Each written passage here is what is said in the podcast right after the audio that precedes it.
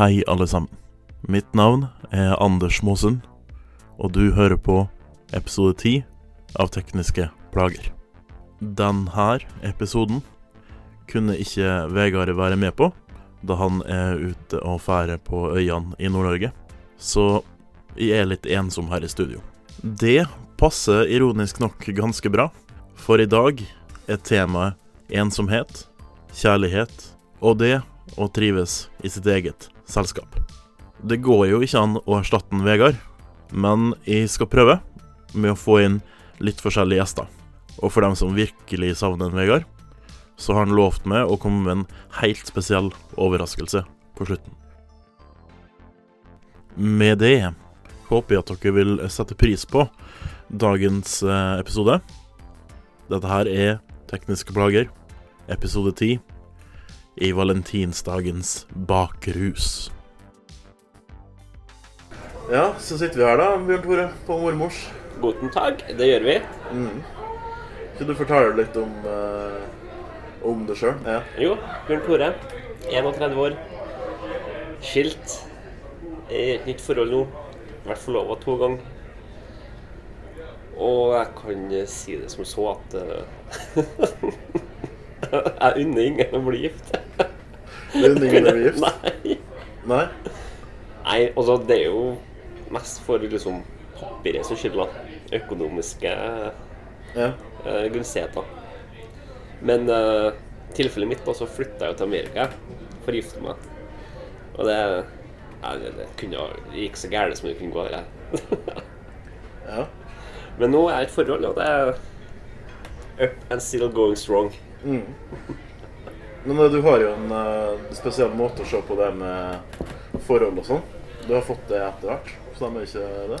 Jo, det er samme. Jeg har funnet ut noe en plan på hvordan man skal håndtere uh, brudd. For det har jo vært med ja, masse damer. Og mange kjærester. Og det har gått skeis hver gang. Så jeg har uh, utvikla en sånn der Ikke en mur, men en sånn der eh, En sånn der um, Hva heter det? Sånn Forsvarsmekanisme. Yes! Og da, for når du da brenner deg så mange ganger, så er det mange som setter opp en mur, da. Og blir veldig sånn her Nei, jeg skal ikke la deg få komme innpå meg. Men jeg gjør det halvveis motsatte. Istedenfor at jeg lar meg sjøl bli betatt, da. Så til de grader at jeg havner oppe i åttende etasje. Og så blir det slutt. Og så istedenfor å havne i kjelleren i vaskerommet av bygningen så havner jeg på femte etasje. For der har jeg gått til meg sjøl hele tida og psyka meg opp til at det blir å være komme slutt. Det blir å gjøre det slutt. Nå er det snart. Nå kommer det. Og gå og minne meg på det sjøl hver dag at det blir slutt. Og den dagen når det da blir slutt, så er jeg allerede så psykisk forberedt på at bam! Tar ikke meg nei, kvinnfolk. Og så kan jeg bare spasere trappene opp igjen til åttende etasje med noen nye. Den deal. Hæ?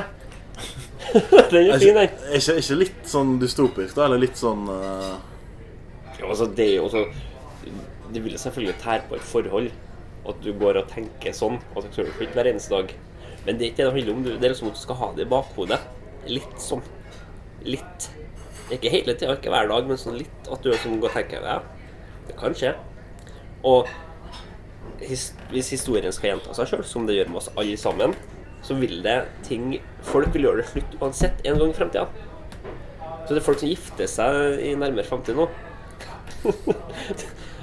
altså, jeg gir dem Jeg gir dem 90 fail rate altså, på at de kommer til å etter en stund. Men det kan være de 10 som faktisk klarer seg gjennom òg. Og da ære være dem. Men det er ikke altfor få nå i dag som holder sammen. De gir opp for fort, vet du. Faen. Det er ikke istedenfor å stå i stormen der. Nei, så fucker de off videre. Og fucker off gjør dem hardt. Og så drar de. og, altså Man har forventning om at romantikk skal vare Sånne perfect moments bare skal vare, vare. Det skal komme flere, og det skal være sånn. Ja, men akkurat det med valentine òg. Du har én dag i året der du skal liksom vise damen hvor mye du bryr deg. Gjerne skal du bruke masse penger på Ja. alt mulig rask. Hva, hva, hva skal du gjøre liksom 364 dager i året? Skal du bare liksom ignorere? Sees, men ikke høres? Er det litt sånn her, da? Ja, det er vel, ja, det er vel. Men det, det her er vel den store Å, nå skal vi vise fram sånn Du ser jo på Facebook, jeg vet ikke om du så det på Facebook, men jeg har jo så mange venner på Facebook at de jeg fikk jo en del av det. da Jeg har venner på Facebook, jeg òg. Ja, ja, ja, ja. som Nei, Men, ja, men, men, altså, jeg, eh, jeg, jeg kan bare snakke for meg sjøl, da. Ja. Og der, eh, det, jeg så jo veldig mange sånne Å, fantastisk samliv og nydelig laga mat Ja, ja. og alt mulig sånn. Og så Ja. Men herregud, du deler vel på å lage mat? Men de bor jo i lag, da. Sant? Ja. Hvorfor kan ikke de liksom øh, Og så ja, De må den ene dagen Å, han var så koselig å lage mat til meg. Laga biff, ytrefilet og mm. De sier ikke sånn på mandag. Å, ok, så koselig. Han laga nakkekotelett med poteter. Nei, nei, man de, de, de man gjør jo ikke det, da. Nei. Nei. nei, så det, det, det er sant, det, da. Ja, de gjør det, men det var sånn Å, så koselig, beste fyren min. Men nei. Da ble det sånn her Man skal sees og ikke høres. Ikke sant? Ja. Og det, og det er jo ikke helt sånn, da, men folk gjør jo litt sånn diverse romantiske greier, men det er den liksom valentinsdagen der. Jeg har aldri feila å feire val valentine. Jeg har ikke jeg, Jo, kanskje gjorde det i Amerika. Men jeg husker ikke hva vi gjorde. Jeg husker ikke. Og så er jeg en ganske enkel mann sånn sett. Jeg vil ikke ha noen gaver sånn. Jeg vil bare én ting, jeg. Jeg vil bare én ting. og så får jeg det, så kan jeg få det i løpet av hele dagen, og så er jeg fornøyd. Bekreftelse. Ja! ja, det ja, bekreftelse, takk. Det er jo egentlig det vi vil ha. Det er det vi vil ha. Ja. Det er det jeg vil ha. Samfunnet har jo litt forventninger til hva man skal gjøre. da. Spesielt vi som er i 30-åra. Mannfolk i 30-åra, det er en del forventninger til oss. Det er jo det. Og det er jo den der øh, at folk forventer at vi skal ha, i en alder av 30, at vi skal ha bil, hus, leilighet, eh, lån. Vi skal ha 100 fastjobb en eller annen plassen. Og vi skal stemme Ap. Og vi skal sant? Vi skal liksom være firkanta. Vi skal ikke uh, være alene. Det er liksom Det har jeg ikke økonomisk kapabel til. Og det er jo sett på litt sånn litt tabu, da. En alder av 30 år til er alene. Men jeg syns ikke det er tabu at man er alene i 30 år. Jeg tenker bare faen, hvorfor ikke? Ja. Det, er en, det, er en, det har sine fordeler, og så har det jo sine bakdeler også. Selvfølgelig har det. Og som når du er alene. Du, du liksom Du gjør litt hva du vil i din egen leilighet. Mm. Du, du drikker øl når du vil, uten at folk kommer og liksom Det er nok nå. Og du, du kan gå hjem med hvem du vil, og du kan Du har mye mer frihet, da. Mm. Mye mer frihet, for da har du bare deg sjøl å tenke på. Men ulempen igjen, da, er jo ja, ensomhet. Økonomiske Trangt økonomisk. Og litt sånn begrensa tilgang, da. Til kos og hygge. Ja. Og det, det merker vel kanskje også, at det er en, det en trade-off der. For det Jeg som da ikke har ramme, jeg, jeg, jeg sier altså det, jeg har det jo veldig kjekt. Jeg er veldig mye ute og gjør ting og sånne ting. Men eh, så var det å gå hjem igjen, da. Ja, og det, og så jeg, altså, det det jeg sier, at så faen, det, da har du det liksom kult in the moment. Det er jo sånn at du er ut Du har et jævla stort nettverk, du. Du kjenner jo masse. Og du er jo uansett hvor du drar så møter du folk du liksom drikker pils med. Mm. Men hva skjer da? Når man sier ha det bra og Ja, vi prates. Ja. Hva gjør man da? Nei, da sitter du her, da. Da har alle gått til sitt. Og så tar du på deg headsetet, og så hører du på en eh, litt sånn trist låt. og så går du hjem og eh, tenker at ja Da fortsetter livet videre. Er det her livet har kommet til, liksom? Det her livet har kommet til. Det var ikke sånn at jeg meg livet. Nei. Nei, men også, jeg skjønner ikke Det kan ikke være en sånn dårlig ting, det. At du liksom Du har vært ut med massene, og så har du på vei hjem alene. Men istedenfor å så liksom dyrke en sånn selvmedlidenhet, da. Eller en sånn der eh, Litt sånn faen, ass. Alene som alene. Jeg bruker å tenke på faen, i dag hadde det jo kult. Jeg har Ja. et jævla godt nettverk. Mm. Dæven, jeg kan jo også, I morgen skal jeg møte dem og dem og dem, og overmorgen skal jeg Du har jo, du har jo tidsplanen din full, du. Du gjør noe hele tida. Ja. Og når du ikke gjør noe, så sitter du hjemme og spiller liksom Witcher og koser deg. Og det er jo det, Da har du jo det mest chilleste livet jeg tenke meg. Du kan gjerne bytte hvis du vil. Nei, det, det, det går greit, altså. Gjør det? Ja, ja. Men eh, det er jo Det er allikevel sånn Det er jo, det er jo eh, Jeg tror det er veldig mange som allikevel kjenner litt på det. Altså. Ja, selvfølgelig. Det er veldig mange som har den, eh, den ensomheten der, som de går ut og kjenner på at de er alene. Mm. Og da blir det litt sånn at man, man tar litt for gitt da, da syns jeg, når man Ja. er i forhold. Man tar folk veldig for gitt. Og så liksom her kan man sitte liksom og klage over partneren sin om faen ditt og faen datt og liksom drit ditt og drit datt. Og da sitter kanskje en fyr eller en kjerring der som, som ikke har vært i forhold før, som trenger et forhold som faen meg ville ha liksom sett på den utingen der som partneren har, som en faen meg en gull verdt egenskap.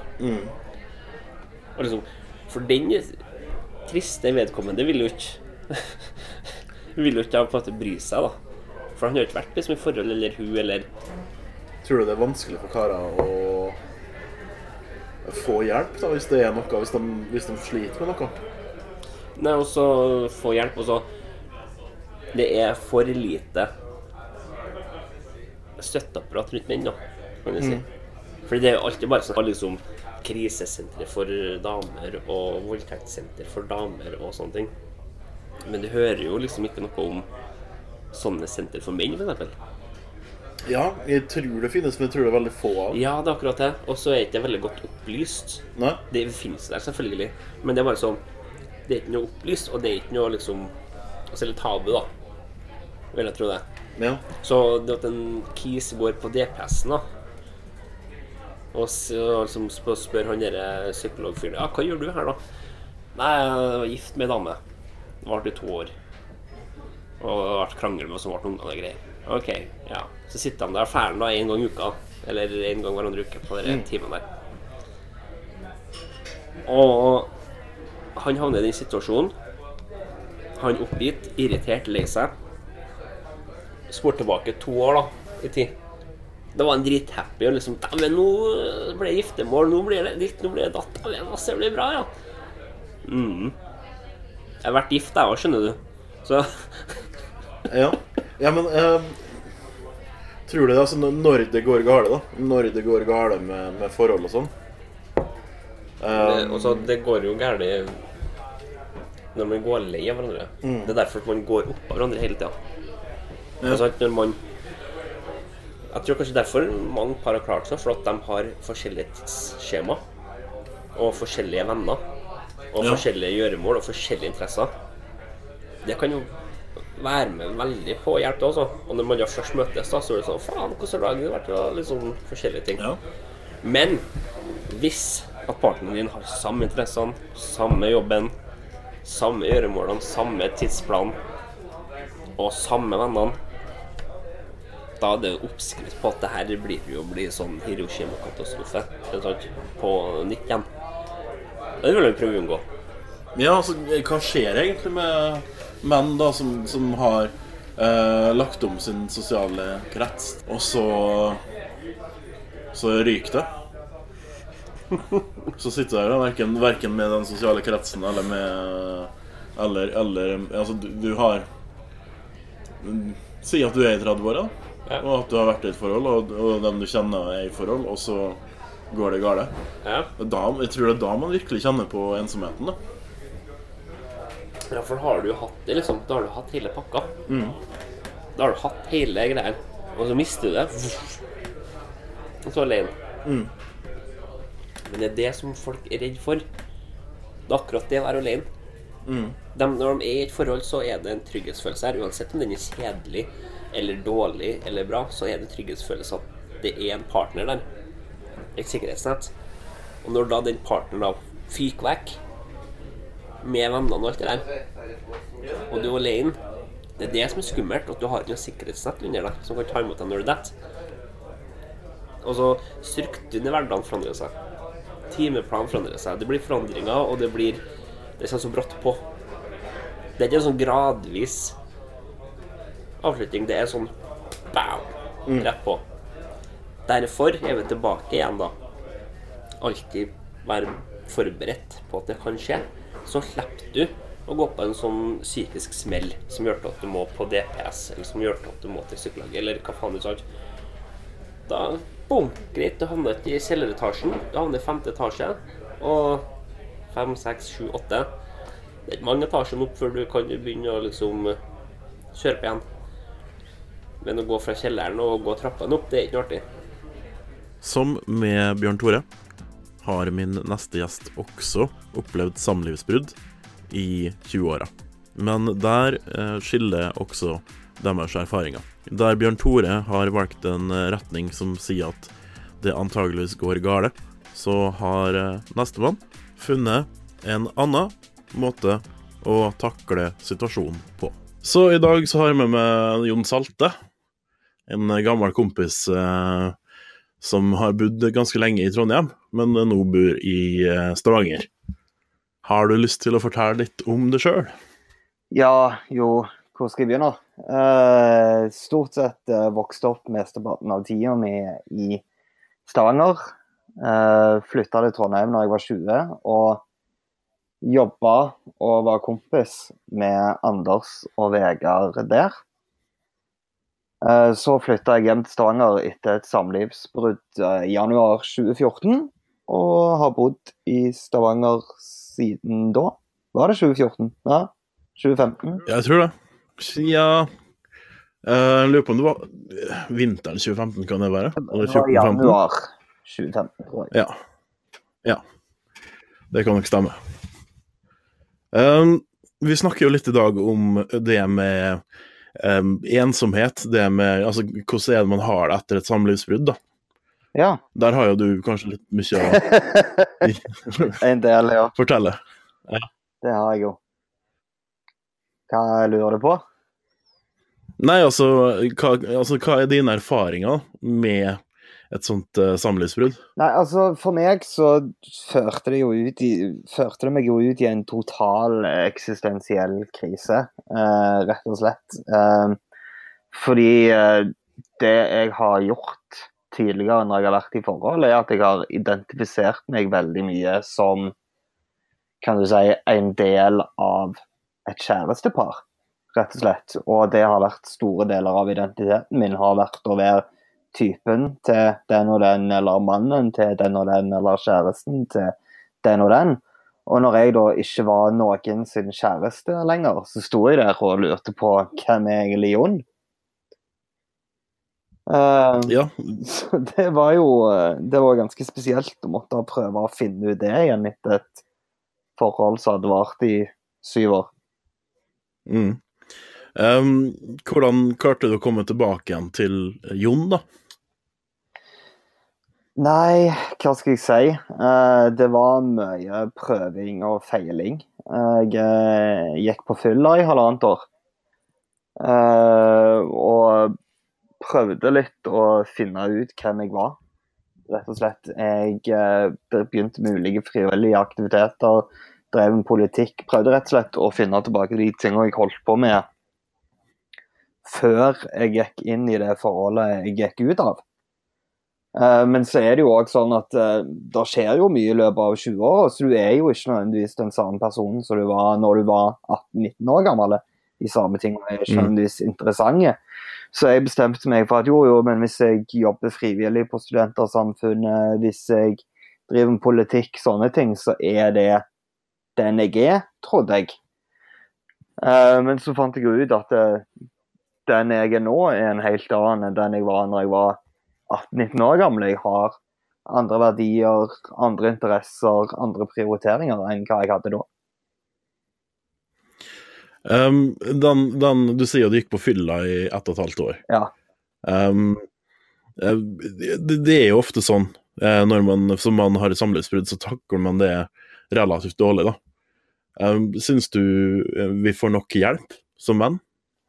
Altså, jeg tror ikke damer får mer hjelp enn menn. Eh, Det som var litt spesielt med meg, eller som jeg i hvert fall opplevde som veldig spesielt for meg når uhellet skjedde, var jo det at jeg var 27, jeg gifta meg når jeg var 22, Eh, jeg ble sammen med ekskona mi når jeg var 19.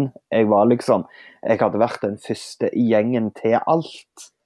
Eh, så sto jeg der litt sånn på bar bakke. Det var liksom Ingen av vennene mine hadde gått gjennom en skilsmisse. Ingen av vennene mine hadde egentlig Veldig få av vennene mine hadde vært i noe særlig lange forhold. Ingenting sånt. Så det var liksom veldig lite erfaringsutveksling å finne.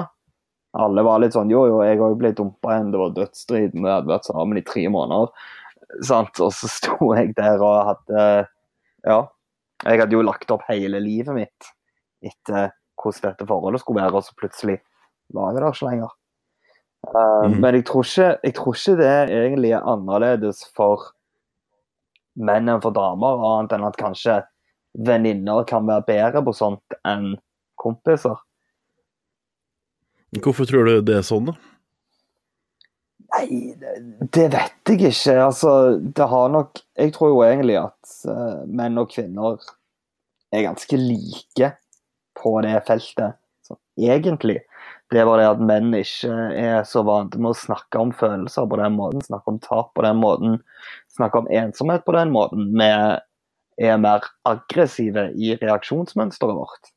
Ja, em, er det noe Vi sitter jo her nå som, som 30 pluss, Mm. eh, og jeg har litt sånn inntrykk av at man forventer en del av oss, da.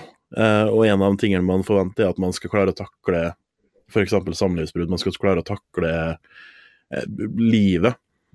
Man skal ikke vise følelser, man skal klare å ha følelser, men at man klarer å takle dem sjøl uten å søke hjelp fra andre. Da. Jo, men sant, menn er jo annet enn bare stillhet og slåssing. Sant? Mm. Og når du havner i en sånn krise, så er ikke nødvendigvis noen av de to reaksjonene den beste reaksjonen. Eh, Du kommer til å trenge noen å snakke med. Eh, I løpet av de siste tre åra har jeg hatt tre forskjellige psykologer, f.eks. Og jeg er ikke en av de som har vært stille om det. Det tok lang tid før jeg fant den rette som kunne hjelpe meg, f.eks. Men jeg, føler at det Hvordan er det folk eh, Du har jo vært ganske åpen om akkurat det med at du har brukt psykolog, og med dine, med dine problemer rundt det her, da, med, med samlivsbruddet. Um, hvordan føler du at folk eh, reagerer på det? Nei, det, det er det som er litt kult med det. fordi jeg føler jo på en måte at for meg så har dette nærmest vært et slags eksperiment til tider. Det å si ja, jeg går til psykolog. Og greia er det at folk respekterer det såpass at Fordi jeg tenker jo at én ting du gjerne syns er litt skummelt hvis du skal si til noen at du går til psykolog, er at du er redd for at de skal spørre å ja, hvorfor da? Hvis du har en eller annen sånn flau grunn eller hemmelig grunn til å gå. Men veldig sjelden så spør folk hvorfor. Eh, de spør heller om det går bra, og om du føler det funker, og sånne ting, annet enn å spørre ja, hvorfor går du til psykolog egentlig. Men for meg så var det heller ikke noe skummelt å innrømme hvorfor jeg gikk til psykolog til å begynne med. Så var det rett og slett fordi jeg sleit veldig med angst og depresjon, mye knytta til en slags eksistensiell krise og en følelse av ensomhet som jeg som jo var en ekte følelse av ensomhet, men oppi det hele så var jeg jo aldri liksom alene. Ja, den, den følelsen av ensomhet, altså den tror jeg veldig mange har, et, har en erfaring med, da. Uh, selv om vi ikke er alene, så kan man allikevel være ensom. Ja. På samme måte som at eh, selv om man er alene, så betyr det ikke at man er ensom. Nei. Men eh, du sier at du, du hadde jo du, du kjente veldig mye på den ensomheten. altså Hvordan, hvordan lærte du deg å takle den? da? Ja, altså, hva skal du si? Det er veldig vanskelig å se tilbake på og si nøyaktig hva det var som funka. Jeg kan jo si såpass at drikking funka ikke, det har jeg slutta med. Eh, men jeg har jo etter hvert lært å tenke litt mer positivt. Um, og, og se framover heller enn å se bakover. Se hvem kan jeg bli, heller enn hva har jeg vært. Slutte å identifisere meg som uh, Skilte Jon, f.eks. Jeg hadde jo en periode der jeg drev mye med standup uh, på amatørnivå. Og hele showet mitt var egentlig bare å stå og synes synd på meg sjøl med glimt i øya. Og det er klart at hvis du begynner å få applaus og anerkjennelse for å synes synd på deg sjøl, så slutter du ikke å synes synd på deg sjøl. Da fortsetter du med det.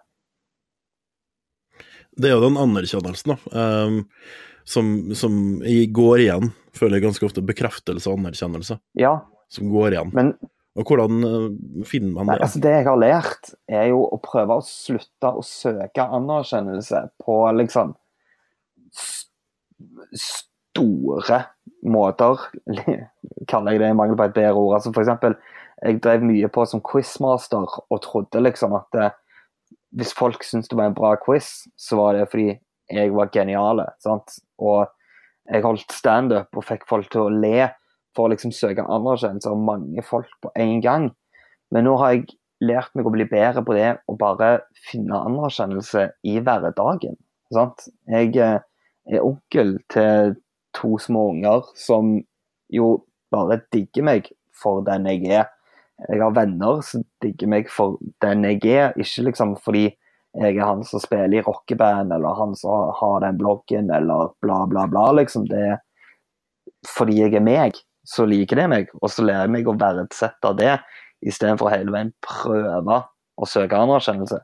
Samtidig er det jo ikke å stikke under en stol at det å spille eh, trommer i et rockeband som går oppover, eh, gir jo en viss type av den store anerkjennelsen òg. Ja, det, du, kan fortelle litt om rockebandet ditt, kanskje? Ja, jeg spiller trommer i et uh, garasjerockband som heter Kåte Klør fra Stavanger. Uh, og vi starta vel litt som tre individer som bare svirra rundt og ikke helt visste hva vi skulle gjøre. Og så sa han ene la oss starte band sammen. Og egentlig ingen av oss kjente hverandre helt fra før av heller. Uh, og for meg i hvert fall så har det å kunne drive med teamwork på fritida på den måten som et rockeband er. uh, ikke bare det å stå på en scene og få applaus, men alt det harde arbeidet man går igjennom med å spille i et rockeband, har virkelig hjulpet meg. Det å bli kjent med kompiser på den måten. For det å spille i band sammen er egentlig en ganske intim opplevelse. Du må trenge inn i hverandre sine følelser. Og det har jo vist meg litt at uh, jeg er kanskje ikke så, så spesielle som jeg trodde jeg var. Uh, for selvmedlidenhet og ensomhet er jo egentlig ganske egosentrisk, for du sitter gjerne og tror at jeg er helt ensom, og jeg er ensom helt alene. Og jeg er den eneste i verden som har det vanskelig. Eh, men jeg har jo lært, bl.a. ved å spille i det rockebandet, at sånn er det ikke i det hele tatt. Musikk blir en slags terapi, da? Ja, på en måte, men samtidig sant, jeg kunne jo sittet hjemme og spilt gitar eller piano for meg sjøl, og ikke fått noen terapeutisk hjelp av det. Eh, det er jo de som får en slags terapi av å skrive sanger, f.eks. Jeg har ikke evne til å skrive sanger, så det blir ingen terapi i det heller. Um, men den sjølmedlid- sjølmedlidenheten, da. Mhm. Altså, den er jo veldig Det, det, er, jo en, det er jo en følelse som er, den er, det, det er jo som en slags rus, da. Man får jo noe ut av den også. Ja, i hvert fall hvis du får feedback på den. Sant? Altså Hvis du sitter og sier åh, det er så synd på meg, og så sier alle andre ja, det er virkelig synd på deg, stakkars deg, eh, så kan du jo bli litt høy på det, for det er jo en type anerkjennelse. Eh, og stimulerer sikkert et eller annet pleasure center i hjernen. sant? Eh, men det er en veldig farlig rus, for eh, du havner veldig fort i en nedadgående spiral. Ja, og, og hvordan um, Har du takla det opp mot valentines, da, for å ta den? Når alle skal ha perfekte forhold, og alt skal være så sukkersøtt? Ja, jeg eh, drøfter det litt på bloggen min, for det jeg har innsett Altså, la meg si det sånn, da. Forholdet mitt ble slutt 14.1 for tre år siden. Uh, så 14.2 det året var ganske drit.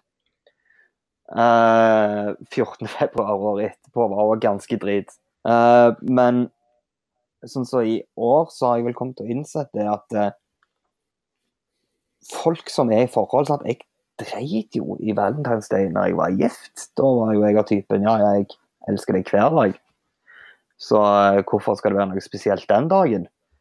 Uh, folk som er i forhold, har unger eller tar med jobben hjem eller noe sånt. Altså, de har ikke tid til å feire Valentine's Day. Så de som holder Valentine's Day i live, er jo vi som er single. Og jeg tror bare det er en liten brøkdel av oss som faktisk liksom gjør noe med vilje romantisk for å prøve å få til en slags spark med noen den dagen. Mesteparten av de som går ut og gjør noe på Valentine's Day, er folk som går for å hva kan si, peke og le av de få parene som faktisk gjør noe sammen den dagen. Mm. Så Um, i år så var meg og en kompis og en venninne på kino og så Black Panther i håp om å liksom finne noen sånn små nervøse par som var på første eller andre date, men det var jo stort sett bare guttegjenger og familier og sånt som var på kino. tror du um, samfunnet um, legger veldig opp til at vi skal være par? Jeg tror det blir feil å si at samfunnet legger opp til det. Jeg tror vi mennesker er meint til å være i forhold. Det er ikke meninga at vi skal være alene over lengre tid. Jeg tror hele singelkulturen egentlig er ganske nye. Um, så jeg vil ikke si at samfunnet i for stor grad legger opp til at vi skal være i par. Jeg tror heller det er vi som har blitt for dårlige til å være i par.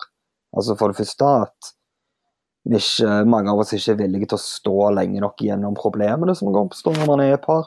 Men òg, jeg tror veldig mange menn i 20-årene 20 som er ensomme, rett og slett ikke tør å prøve å bli sammen med noen. Um, når, når det da går galt, hva, hva tror du det er som uh, På et sånt generelt eh, punkt, da. Hva, hvor er det man eh, feiler? Hva er det man feiler på? Det er veldig vanskelig å si. Sant? Jeg har snakket med veldig mange som går igjennom samlivsbrudd, eller som har vurdert det, eller som har stått igjennom det. Og det er utrolig individuelt hva som er grunnene. Men selvfølgelig, det er jo ting man skal passe seg for. Man skal passe seg for å falle for mye for andre. Det vil jeg bare si. Du kommer til å falle for andre hvis du er i et forhold. Du skal passe deg for å falle for mye og faktisk gjøre noe med det. Du skal passe deg for å bli for sjalu når sånne ting skjer. Eh, og du skal passe deg for å krangle på en veldig destruktiv måte. Jeg syns jo at krangling er kjempekjekt og en helt essensiell del av et godt parforhold.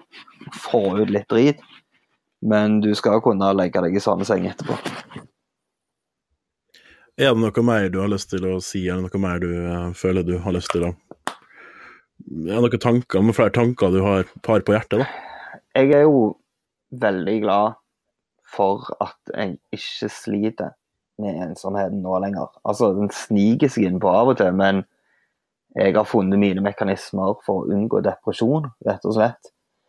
Uh, men jeg vil bare understreke det som jeg i hvert fall har erfart med meg sjøl. Jeg tror at jeg kunne sikkert vært i fire forhold jeg i løpet av de siste tre åra hvis jeg bare hadde tort å prøve. Eh, jeg tror veldig mye ensomhet skyldes rett og slett sikkert både menn og kvinner som er redde for å satse, redde for å drite seg ut, redde for å prøve. Og der tror jeg vi kan skjerpe oss, både kvinner og menn. Så det er det å tørre som er det du vil at folk skal Ja, gjøre? rett og slett. Yes. Men tusen takk. Takk eh, for at jeg ble invitert. Ja, nei, men det var et uh, veldig flott intervju. Ja, så bra. Så det må vi si var knallbra. Uh, helt til slutt vil jeg bare nevne at Kåte Klør snart slipper en singel som heter 'Skal du slå, må du drepe'. Og den er skamkule, og det kommer musikkvideo. Så alle må bare glede seg til det. Det ble vel nok bra. OK, tusen takk skal du ha. Ha det bra. Da er jeg ute igjen og farta i verden. Eh, for i dag skal vi møte en eh, annen gammel kompis. Det blir mange av dem i denne episoden her nå. Som heter Ove. Eh, Ove, du kan jo fortelle litt om hva du gjør. Jeg, jeg gjør nå egentlig litt av hvert, da. Det jeg ble kjent med så ja, holdt jeg vel på i IT-bransjen eh, på det tidspunktet. og Så tok jeg en liten eh, hiatus derifra og endte opp med litt eh, drosjekjøring. og Nå så sitter jeg og er sinke i trafikken og gjør livet ulevelig for stakkarene nede i Oslo som skal på liv og død prøve å komme seg hjem i rushtida. Ja. Kjøre lastebil. Ja. Kjører du langtransport, eller er det Ja, langtransport for det meste. Noe lokalt en og annen sjelden gang, men for det meste langt. Ja. Vi, vi har jo litt om det med, med det å trives i sitt eget selskap i dag. Ja. Og det må man være ganske god på da, når man driver med langtransport. Du har ikke noe valg, egentlig. Nei? Men til gjengjeld så er det jo Det er jo mer eh, som om eh, hva skal jeg si, yrket går mer over i en livsstil enn et reelt yrke. Du er nødt til å trives med deg sjøl. Du har ikke noe valg, egentlig. Og det lille du eh, føler at du har behov for av sosial eh, stimuli, det får du jo egentlig når du stopper og er nødt til å ta den lovpålagte pausen din. Da treffer du som regel på andre sjåfører. Da går det i ganske grov prat og fliring og humor. og så det er kanskje et nytt døgn der du eh, trives i eget selskap. Ja. Har du noen eh, mekanismer for det å trives i sitt eget selskap, eller er det Det går nå egentlig på det å finne ut altså, hva er det som er drivkrafta di, egentlig. Altså, hva er det som inspirerer deg og din eh, si, kreative ild, i, ja, i mangel på bedre uttrykk i sjelslivet. da. Altså, For meg så er det musikk. Og det så Setter sett meg ned og ha et ordentlig godt musikkanlegg i bilen og ha godt med musikk på når jeg kjører, og kan sit- sitte der og kjenne at krea- eh, de kreative egenskapene i meg blusser opp, at jeg får- litt eh, ja, hva skal jeg si, lyst, eh, lysten til å lage noe. Jeg får jeg forestiller meg nye ting jeg har lyst til å gjøre. og Kan dagdrømme litt i den grad det, det er trygt å gjøre bak rattet. Ja. Men eh, det er jo kanskje den aller viktigste me mekanismen jeg har. Det å ha inspirerende musikk med meg. ja. Hvilken type musikk er det du da går for? Ja, hvilken dagsform er, har du i dag? Nei, det går rett og slett på humøret. Eh, noen ganger så er det greit å ha med seg skikkelig aggressiv, eh, gammeldags old school Pantera. Andre ganger så er det greit å faktisk slenge på noe progressive house. Ja, Da må jeg nesten bare få, få lov til å gi litt eh, mad props til The Grand Sound på Spotify som har den seriøst råeste lista når det kommer til progressive eh, Eh, utrolig mye bra å høre der. Ellers så går det litt i jazz, noe blues. eh, veldig mye si, eh, Ikke akkurat metal, men hardrock. Klassisk hardrock. Rolling Stones. Det er over hele linja, egentlig. Blir du noen gang eh, ensom når du er ute og drar? Nei. Nei? Jeg kan ærlig med hånda på hjertet si altså det å være ute på veien, det er en befrielse. Det det, det er livsstil som eh, Den står i sterk kontrast til det som er hva si, det viktigste du har i samfunnet i dag. Med at du skal finne deg en livspartner, man skal leve sammen, man skal få barn, man skal være sosial. Det, det livet her står i sterk kontrast til akkurat det. Du føler deg ikke ensom. Nei. Um, men hvordan er det du ser på den, det, det livet, da? Det der mer det, man, det, man forvan- det, som forventes av oss etter en viss alder? Jeg ser på det som en eh, si, oppkonstruert alternativ virkelighet. Altså Det er en oppkonstruert, opplest og vedtatt sannhet om at sånn skal det være. Men i realiteten altså Du trenger ikke noen andre i ditt eget liv for å være lykkelig. Du er din egen lykkesmed. Og med fare for også å høres ut som eh, en person som har eh, tapt hardt og, eh, hardt og virkelig, virkelig blodig på ekteskapsarenaen når, når du ser tilbake på hvor mange forhold du har hatt som har feila, og hvordan de har feila, så kan du jo med hånda på hjertet si at det er veldig ofte at eh, et parforhold ikke nødvendigvis fungerer. Det, det krever at man er to som er nødt til å samarbeide om å være to. Det er ikke slik at én eller begge to skal bare ta og, og forvente å få, og ikke gi noe tilbake igjen. Og i realiteten da så kan hun stille seg sjøl spørsmålet hvorvidt er det verdt det. Og det, det er det jeg stiller meg sjøl. Altså, er det virkelig verdt det for meg å finne meg ei dame og være nødt til å komme hjem og så ha en person som stiller forventning om at du skal være hjemme hver helg, du skal ikke bo i bilen over ei helg f.eks. Det er kjipt å dra på lang tur, hun vil ha deg hjemme helst hver, hver kveld. Eh, Du har eh, kanskje da kommet til et punkt at du har barn som krever at du er hjemme hver kveld. Og hvis du da trives på landeveien, hva skal du da gjøre? På den andre sida så vil jeg jo trekke en liten annen parallell til dette her til et annet yrke, som også er faktisk er et skal si, overrepresentert eh, yrke i slekta mi. Ja. Og det er sjømann. Mm. Og i og med at Norge ikke har noe handelsflåte nå lenger, så har vi egentlig bare ett alternativ igjen, og det er jo landtransport. Ja. Men det er det samme. Du vet aldri hvor du skal fra dag til dag. Du kjører, du parkerer. Noen ganger så kan du faktisk være så heldig at du står midt ute i tjukkeste skauen. Og det eneste du hører av lyder, det er regnet som eh, slår på taket. Det er kanskje en annen fugl som eh, sitter oppå eh, taket ditt og kvitrer eller breker eller hva det skal være. Det, det er et liv som mer enn veier opp for fraværet av en livspartner, sånn sett. ja. Hvordan, hvordan feira du valentinsdagen i år? Eller feira du den, eller? Jeg feira den ved å vise finger.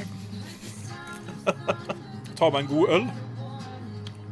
Ete en pizza. Jeg benytta meg ikke av tilbudet til Pornhub, men eh, jeg satt og faktisk så Altered eh, Carbon på Netflix. Ja. For, for så vidt enestående serie. Men det var den kanskje beste måten jeg kunne tilbringe en eh, ytterst ordinær dag på. ja. Er det noe mer du eh, tenker rundt det temaet, da? Med det med både kjærlighet og ensomhet? eh, Ja, man er jo som sagt sin egen lykkesmed. Og hva det er som gjør deg lykkelig Hvis du er lykkelig alene, så er jo den saken ganske grei. Det er ikke noe mer å si om det. Men hvis du f.eks. ønsker å finne deg noen å dele livet ditt med, så er jo kanskje det aller viktigste at du er fornøyd med den du er, og det livet du allerede har, uten noen i. For at noen skal kanskje finne deg attraktiv. For er det jo noe som er en skal si, kjensgjerning når det kommer til det med dating. Er du ikke fornøyd med ditt eget liv, er du ikke fornøyd med deg sjøl, så har du heller ingen sjanse til å tiltrekke deg det mottatte kjønn. Ingen finner eh, en person som syns synd på seg sjøl attraktiv. Så sjøl med lidenhet, med andre ord, er Det, det er den største dealbreaker som noensinne har funnes. I mitt siste intervju så skal jeg snu litt på den trenden som vi har sett uh, så langt. Uh, jeg skal nå intervjue en uh, gammel kompis som har gjort det motsatte. Han har gått fra det å være ganske negativ og ganske sikker på at han kom til å være aleine, til å finne noen som han har lyst til å tilbringe livet sitt med. Da sitter jeg her med Øyvind, en annen gammel kompis. Han er fra Lier utafor Drammen. Eh, har bodd her oppe i Trondheim en god stund, og bor nå i Oslo Det stemmer. sammen med sin forlovede. Er det lov å si? Eh, Det er jo du som skal vie oss og greier, så det bør vel være ganske offisielt at jeg får lov av henne. Ja. Eh, Hvordan, eh, hvordan er det å være i et uh, parforhold der man vet at man skal gifte seg snart? Det er ganske Altså For min del så er det ganske spesielt, for jeg hadde jo egentlig sluttet å tro på at jeg kom til å finne noen jeg eh, ville ønske å være sammen med resten av livet. Så viste det seg jo selvfølgelig at jeg tok feil der, da. Um, det var en ganske spesiell opplevelse fordi det egentlig Altså, jeg, jeg trodde jo ikke at det fantes en, en uh, dame som ville være uh, så perfekt match for meg der ute. Um, og altså endte jo da opp med å finne dama som var nøyaktig som den dama jeg satt og drømte om da jeg var type sånn 13-14 og ganske pubertal. uh, så ja, nei. eh, det er ikke så veldig lett å beskrive det på noe mer utbrodert måte enn det, fordi at det er en følelse mer enn noe rasjonelt, samtidig som det føles veldig rasjonelt å, å gifte seg med henne. Så Ja. Eh, hvordan, hvordan endte du opp eh, med å eh, miste håpet, da? Kan man begynne der, kanskje? Det var nok en kombinasjon av mange ting. Eh, jeg endte opp i en del kjæresteforhold eh, som ikke var eh, spesielt gode for noen av partene, egentlig. Det var nok delvis fordi at jeg slet en del med mitt eget selvbilde og dermed endte opp med å, å, gå inn i en del forhold som ikke burde ha blitt noe av i det hele tatt. Men også litt fordi jeg var vel til dels litt umoden og skulle ha ting på min måte, samtidig som motparten også var litt umoden og skulle ha ting på sin måte i veldig mange av disse forholdene. Så ja, det var vel både en kombinasjon av dårlige parforhold og litt umodne holdninger til ting, da. Vi har snakka mye om forventninger i, uh, i, forhold. Tror du at det hadde en uh, innvirkning der? Nja mm, til dels. Um, en del av motpartene hadde nok en forventning om at ting skulle være veldig sånn romantiske og fantastiske, slik det ofte er i skjønnlitteraturen. Um, samtidig så var nok mine forventninger også litt av samme karakter, selv om jeg ikke leser så mye sånn romantiske bøker og den typen ting. Eh, så det var nok en viktig del av greia, for all del. Men eh, det var nok ikke bare derfor. Det var nok litt kombinasjon av mennesker også. Um, når, man, eh, når man ender opp uh, med å være singel etter å ha vært i et uh, langvarig parforhold, ja. uh, så er det mange som får en, får en, liten depresjon. Har du kjent noe på mm, sånne ting? Uh, ja øh, Vi ble jo kjent vi to rett etter jeg hadde blitt ferdig med et nesten lang, et år langt forhold. Uh, og jeg regner med at du husker at jeg var ganske herpa i huet etter, etter det forholdet. Mm. Um, samtidig, altså det lengste forholdet jeg var i utenom det forholdet jeg er i nå, som har vært lenger enn det igjen, Eh, der var jeg egentlig Det var jo da et nesten to år langt forhold. Eh, der var jeg egentlig mer letta da det var over, for da hadde jeg hatt en periode på ett år, halvannet år omtrent, hvor det var veldig mye krangling med personen jeg var sammen med. Jeg pleier ofte å fleipe om at jeg kanskje burde ha sett greia når vi krangla 36 dager i strekk. det, det, at jeg faktisk telte hvor mange dager i strekk det var, er jo en viss indikasjon på hvordan følelsene mine til det parforholdet faktisk var på slutten.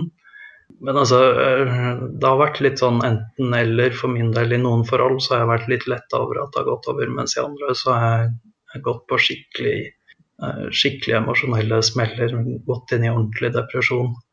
Eh, første gangen jeg oppsøkte en eh, lege for å si at jeg trengte hjelp, og kom da inn til behandling på en DPS for, for en depressiv lidelse, det var jo nettopp etter et ganske messig opplegg med et parforhold som ble slutt fordi at jeg holdt på å ende i et slags forhold med en person jeg hadde vært litt forelska i over lang tid.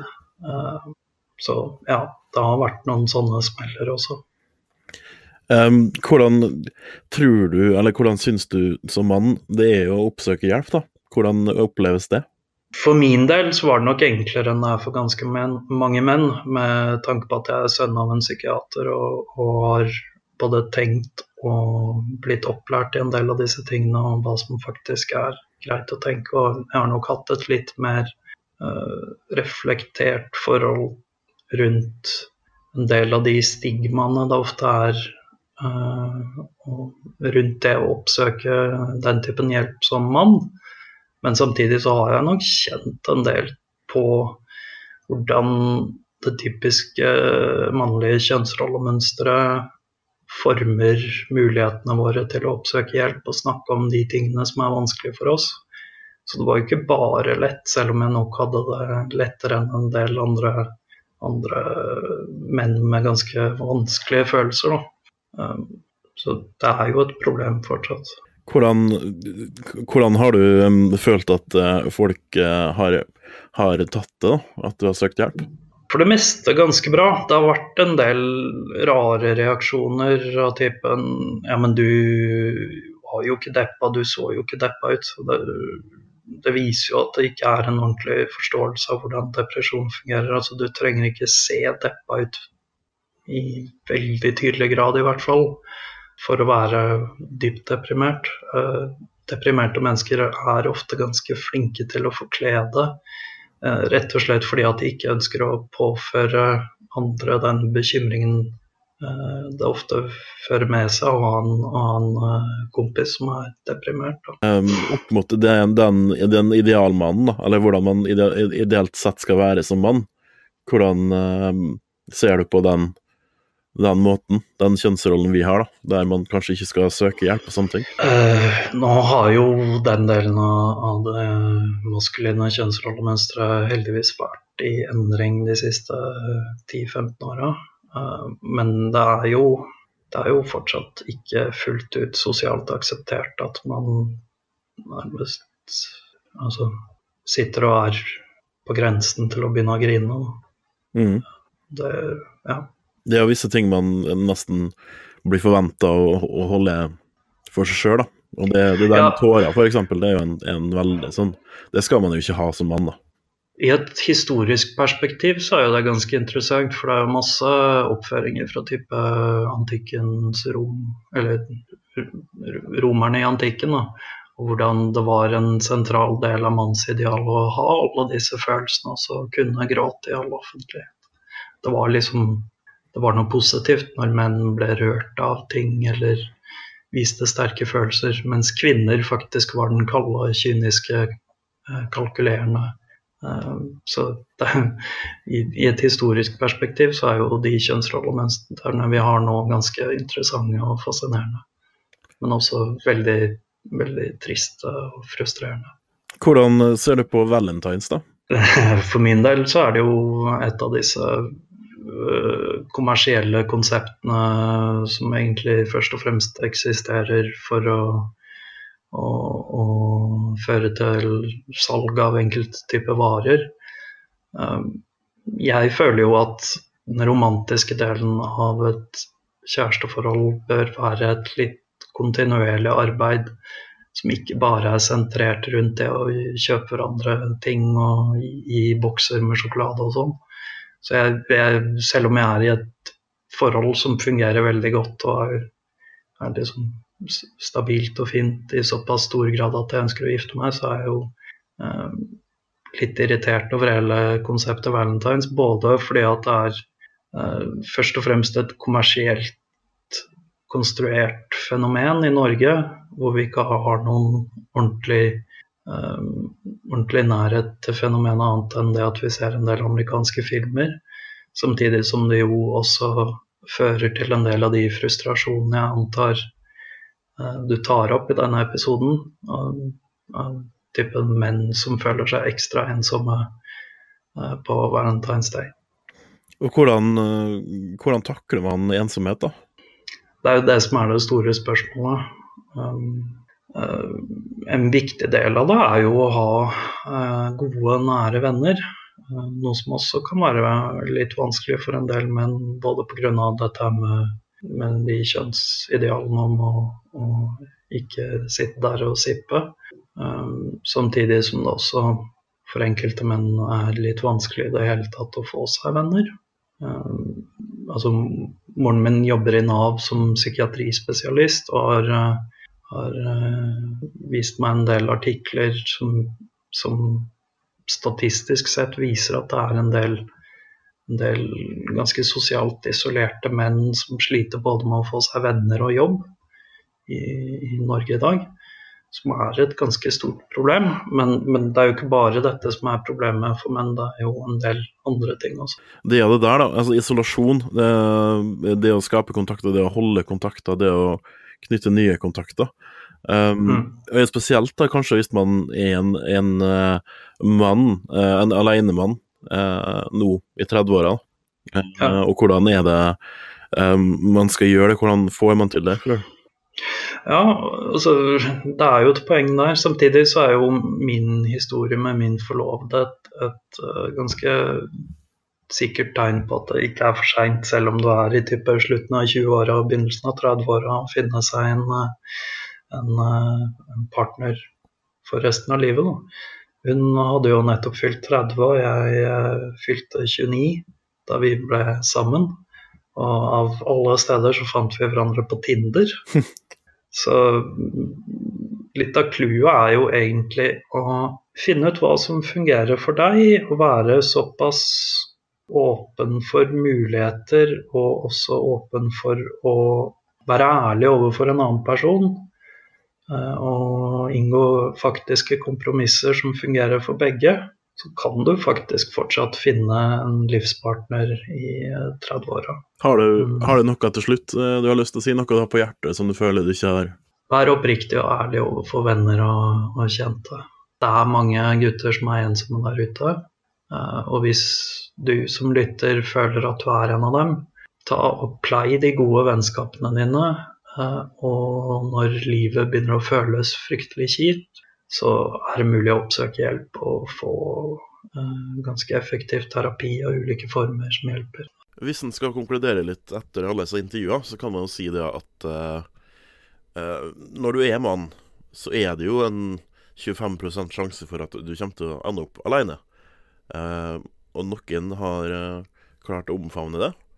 andre dem prøver å unngå det, men holder det som en sikkerhet at det, det er mulig at det her kan skje.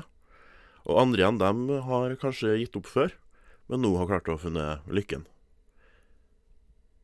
Man skal si at eh, det er vel, som eh, Øyvind sier, ikke for seint, nå som vi er i 30-åra heller.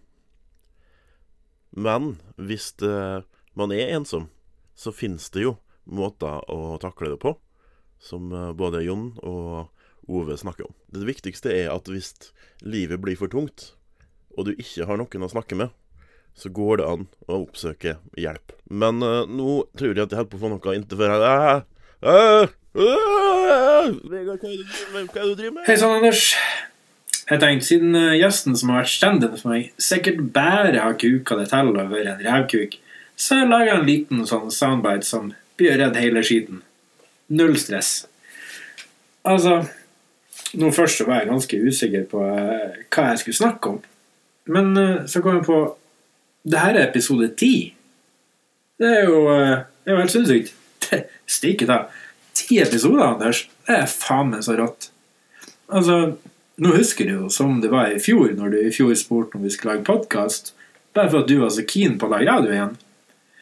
Altså Nå skal det jo sies, vi har jo tidligere også prøvd å lage podkast. Uh, ja. Uh, jeg, jeg fant faktisk igjen ei lydfil fra den kvelden. Så here goes. Thomas, vi vet alle sammen hva, hva det betyr når du sier 'be nice'. Altså, altså, 'be nice' er et forskjell når du er Thomas Torp, tenker jeg. Jeg tenkte det i går, altså. Du mener at min standard for 'nice' er noe annerledes enn andre, alle andres? Jeg føler at din, din form for erotisk nice ville ha skremt meg. altså, her er vi. Laga podkast, og vi har kommet oss helt til episode ti. Det er nesten så jeg blir litt eh, overgitt over hva vi har fått til. Litt rørt, kanskje. Jeg hadde jo egentlig trodd at vi kom til å fjerte bort hele prosjektet etter at du maksa ut kontoen din på SoundCloud, men steike ta. Ti episoder med oss to som bare sitter og snakker skit, og folk hører på oss. Det er faen meg rått.